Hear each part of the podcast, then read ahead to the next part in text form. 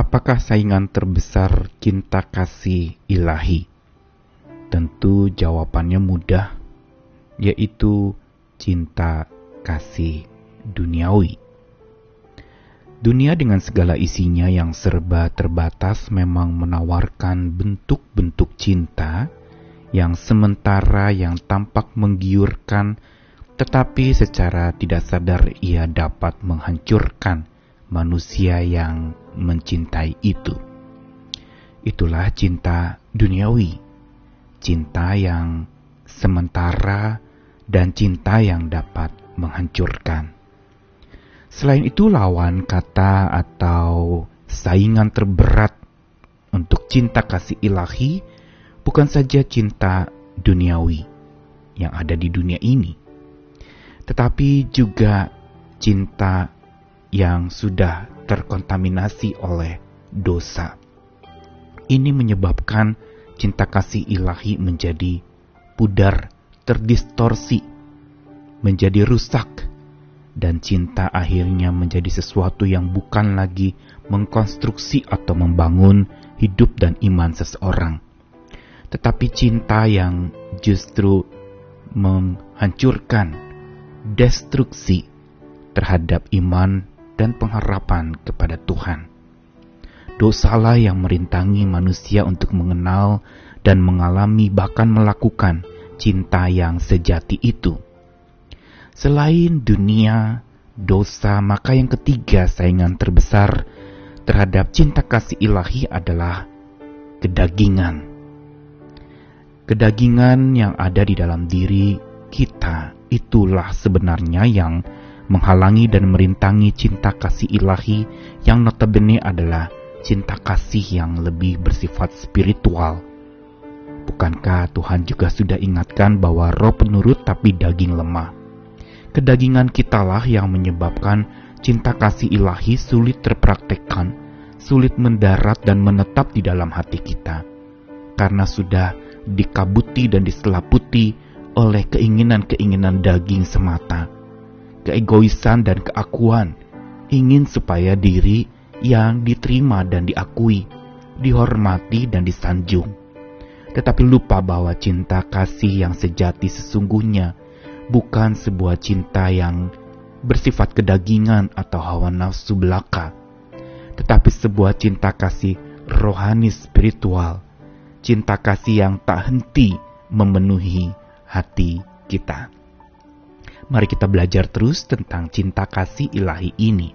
Saya Nikolas Kurniawan menemani di dalam Sabda Tuhan hari ini yang masih di dalam rangkaian 1 Korintus pasal 13 13 ayatnya yang akan per ayat kita akan gali dan menemukan akan refleksi-refleksi dan inspirasi untuk pertumbuhan iman kita khususnya di dalam praktek mengasihi di tengah-tengah kondisi dunia yang penuh dengan kebencian ini.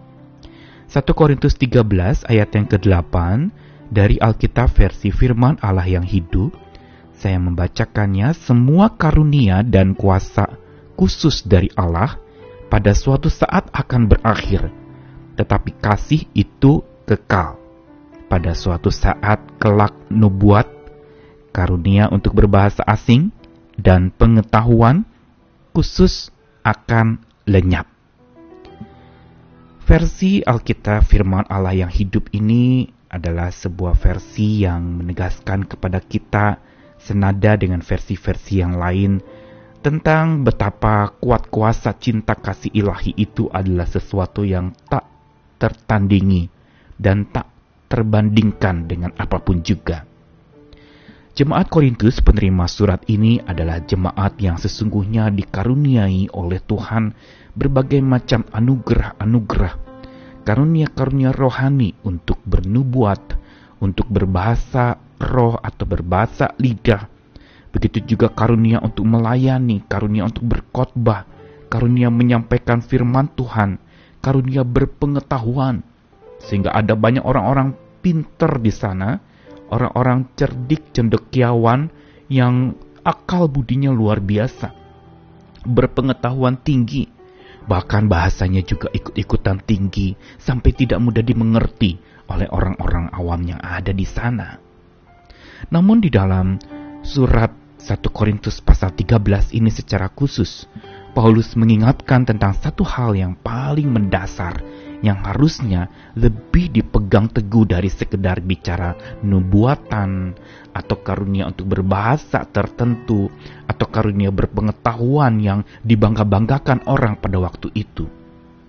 Melampaui ketiga hal itu, kemampuan bernubuat, kemampuan berbahasa, dan, dan kemampuan untuk berpengetahuan, ada satu hal yang lebih dan jauh lebih penting, jauh lebih berkuasa, jauh lebih berotoritas dalam hidup manusia, yaitu cinta kasih ilahi.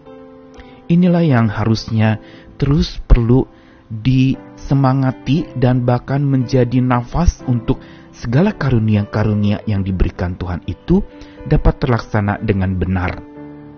Mereka punya karunia, tapi mereka membanggakan diri dan pongah. Mereka terjebak kepada keinginan-keinginan daging untuk satu sosok atau kelompok tertentu lebih diagung-agungkan dari kelompok yang lain, lebih diterima dan dihormati dibandingkan kelompok yang lain. Persaingan ketat pun terjadi antara mereka tapi sesungguhnya yang terjadi adalah persaingan antara cinta kasih ilahi dengan cinta kasih duniawi, manusia yang berdosa, dan cinta kasih yang lebih beralaskan kedagingan dan keakuan belaka. Karenanya, Paulus ingatkan bahwa nubuat itu akan sudah akan selesai, akan sel, akan tidak ada lagi. Nubuat itu bukankah ketika sudah tergenapi, dia sudah tidak ada lagi dia akan selesai saat sudah digenapi. Begitu pula bahasa. Bahasa itu akan usai setelah sudah terungkapkan. Sudah diungkapkan kepada orang dan sudah selesailah tugas bahasa itu untuk lalu kemudian tersampaikan. Begitu pula pengetahuan.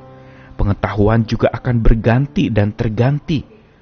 Karena ketika pengetahuan sudah disampaikan atau sudah dipegang, maka itu satu saat juga akan dilupakan. Bukankah apa yang kita ketahui itu juga, atau apa yang orang lain ketahui juga, itu akan terabaikan dan terlupakan? Karena begitu terbatasnya manusia, tapi sering kali manusia tidak menyadari akan keterbatasannya. Sementara kasih itu dikatakan kasih tidak berkesudahan, sebuah ungkapan kata yang digunakan untuk bicara kasih yang tidak berkesudahan ini mengandung makna bahwa kasih itu adalah sesuatu yang tidak pernah dapat gagal, never fail. Dia tidak pernah akan berhenti, dia tidak pernah akan tumbang, dia selalu menjulang, dia tidak gagal tetapi selalu kekal.